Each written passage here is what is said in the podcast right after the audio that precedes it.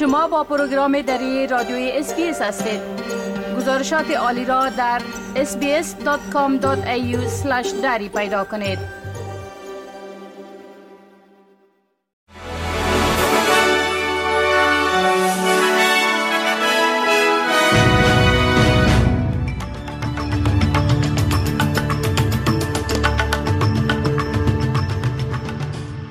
سلام من فضیلت تصمیم شما را به شنیدن مهمترین رویدادهای امروز جمعه 13 اکتبر سال 2023 دعوت می کنم.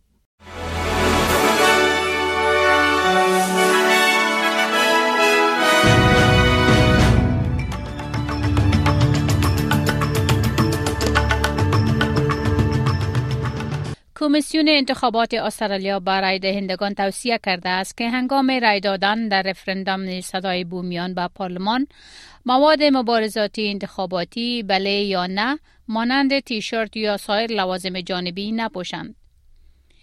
این به این دلیل است که مقامات می توانند آن را به عنوان مبارزات انتخاباتی تفسیر کنند و رای دهندگان را اخراج کنند. زیرا قانون می گوید که مردم نمی توانند در فاصله 6 متری از محل رایگیری مبارزه کنند. رایگیری رفرندم امروز شنبه 14 اکتبر برگزار خواهد شد و 4 میلیون استرالیایی از طریق مراکز قبل از رایگیری رای دادند. در همین حال صدر استرالیا آقای انتونی البنیزی آخرین تلاش خود را برای کمپین بله ادامه داده است. او می‌گوید رای بله دلیل اختلاف قابل توجه در نتایج صحی بین بومیان و غیر بومیان در استرالیا است. آقای البنیزی افزود که ما یکی از ثروتمندترین کشورهای روی زمین هستیم با این حال جوامع بومی در استرالیا هنوز هم از شدت بیماری های رنج می‌برند که از بیشتر کشورها ریشهکن شده است. Yet there are indigenous communities still suffering the brunt of diseases that have been eradicated from most of the planet. An eight year life expectancy gap between indigenous and non indigenous Australians. I find that extraordinary and just not good enough. And a vote for no is a vote to say, yeah, that's as good as it gets. We can't do anything different. This is okay. And it's not.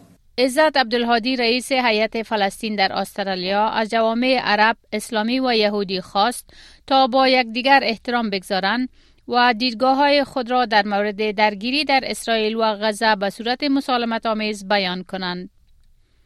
دیدگاه های او در میان تنشها بر سر تظاهرات طرفدار فلسطین است که در آن شاهدان ادامه کنند شعار ضد یهودی را شنیدند. سازمان دهندگان تظاهرات از گروه اقدام فلسطین اقدامات آنچی را که آنها یک حاشیه کوچک از شرکت کنندگان ضد یهودی نامیدند محکوم کردند. آقای عبدالهادی امروز صبح در مصاحبه با برنامه عربی اس گفت که دیدگاه ها باید به صورت مسالمت آمیز و بدون تحریک یا خشونت بیان شود. او گفت اینجا یک جامعه چند فرهنگی است. تمام جناها باید روابط خوبی با یکدیگر داشته باشند و ما باید اطمینان حاصل کنیم که هیچ تنش بین همه این اجزا در جامعه استرالیا وجود ندارد و همچنین نظرات به شیوه دموکراتیک و صحیح بدون هیچ گونه تحریک خشونت یا تبعیض بیان می شود. امید من این است که جوامع عرب و اسلامی و همچنین جوامع یهودی گفتگو کنند، بحث کنند و به یکدیگر احترام بگذارند. هذا مجتمع متعدد الثقافات يجب أن يكون هناك علاقات جيدة Since this society is multicultural, all the components must have good relations with each other and we must be sure there are no tensions between all of these components within Australian society, as well as that opinions are expressed in a democratic and sound manner without any incitement, violence or discrimination. My hope is that the Arab and Islamic communities, as well as the Jewish communities, will dialogue, discuss, and respect each other. الحوار والنقاش والاحترام المتبادل کابینه جنگی تازه تشکیل شده اسرائیل وعده داده است که حماس را از روی زمین پاک کند در غیر آن حملات در غزه شدت خواهد گرفت بنیامین نتانیاهو صدر اسرائیل با حزب مخالف در اسرائیل یک حکومت اضطراری برای هماهنگی جنگ علیه حماس ایجاد کرده است. با گفته نیروهای نظامی اسرائیل این در پی حمله غافلگیرانه شبه نظامیان حماس در آخر هفته است که در آن جنگجویان به شهرهای اسرائیل حمله کردند و کم از کم 1200 نفر در اسرائیل کشته شدند. در پاسخ اسرائیل دسترسی مردم غزه به غذا، آب، مواد سوخت و برق را بسته و منطقه را با سنگین ترین حملات هوایی در تاریخ درگیری اسرائیل و فلسطین بمبارد کرده و به گفته وزارت صحت غزه دست کم 1100 نفر را کشتند. یوواو گلان وزیر دفاع اسرائیل گفته است که نظامیان اسرائیلی در حال آماده شدن برای حمله زمینی به غزه هستند و اسرائیل اکنون وعده داده است که حماس را به طور کامل از بین ببرد. And I am saying here to everyone, we will wipe this thing called Hamas, ISIS Gaza, off the face of the earth. It will cease to exist. سازمان ملل متحد از اسرائیل می‌خواد از قوانین بشر دوستانه پیروی کند. رئیس حقوق بشر سازمان ملل متحد می گوید که محاصره کامل منابع ضروری در غزه تحت قوانین بین المللی غیر قانونی است. پینی وانگ وزیر امور خارجه استرالیا می گوید حکومت استرالیا به حمایت از صلح و راه حل دو کشور برای اسرائیل و سرزمین های فلسطین با وجود حملات اخیر ادامه خواهد داد.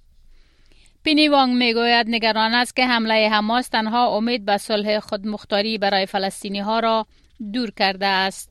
The Australian government's guiding principle has always been the pursuit of peace. Uh, the pursuit of peace and a just and enduring peace, uh, a two-state solution which enables both the Palestinian peoples and the Jewish peoples uh, to live within uh, safe, internationally recognised borders. One of the great tragedies of these atrocities is that Hamas's actions pushed that prospect of peace further away and lessened the chance of the aspirations of the Palestinian peoples uh, to be realized. سناتور وانگ همچنین اعلام کرد که یک پرواز دیگر برای استرالیایی هایی که در اسرائیل گیر افتادند علاوه بر دو پروازی که قبلا اعلام شده بود برای هفته آینده تعیین گردیده است. استرالیا تایید کرده است که در پای زلزله های بزرگ هفته گذشته که هزاران نفر را کشته و زخمی کرده است کمک های بشر دوستانه به افغانستان ارسال می شود. پینی وانگ وزیر امور خارجه می گوید که حکومت اطمینان حاصل می کند که این کمک ها به صندوق بشر دوستانه افغانستان به رهبری سازمان ملل متحد ارسال شود و رژیم طالبان را تامین نمی کند. این در حال است که زلزله که شدت آن 6.3 به مقیاس ریکتر تشخیص شده است بار دیگر روز چهارشنبه غرب افغانستان را تکان داد. بر اساس گزارش صدای امریکا احمد الله متقی رئیس اطلاعات و فرهنگ طالبان در ولایت هرات به صدای امریکا گفت که زلزله ساعت 5 و 13 دقیقه صبح روز چهارشنبه ولسوالی های این ولایت را تکان داد. آقای متقی گفت که کم از کم 120 زخمی به مراکز صحی از جمله شفاخانه هرات انتقال داده شدند. دکتران بدون سرحد نیز گفتند که شفاخانه هرات 117 زخمی ناشی از زلزله را صبح امروز ثبت کردند. بر اساس معلومات مقام های ولایتی طالبان در هرات در زلزله روز چهارشنبه تا 2000 رسم نیز تلف شدند. مقام های محلی طالبان همچنان گفتند که شهرهای هرات ترغندی نیز به دلیل ریزش سنگ ها از روی بروی ترافیک بسته شده است. در این گزارش از قول صدای امریکا همچنان آمده است که سازمان بین المللی مهاجرت نیز تیم های سروی را برای ارزیابی نیازها با منظور توزیع اقلام عاجل به آسیب دیدگان به مرکز زلزله در هرات اعزام کرده است. این زلزله فقط چهار روز پس از آن رخ داد که زلزله به شدت مشابه در ولایت هرات موجب کشته شدن و زخمی شدن هزاران نفر شد. ملل متحد گفته است که در زلزله روز شنبه به صورت تخمینی نزدیک به 1700 خانواده که شمار مجموعی آنان به 12 هزار نفر می رسد متاثر شده است. این سازمان گفته است که صد درصد منازل در 13 دهکده زندجان ولایت هرات در اثر این زلزله تخریب شده است. سازمان جهانی صحت گفته است که این حادثه 1655 خانواده را متاثر کرده که شمار مجموعی اعضایان به 11585 نفر می رسد.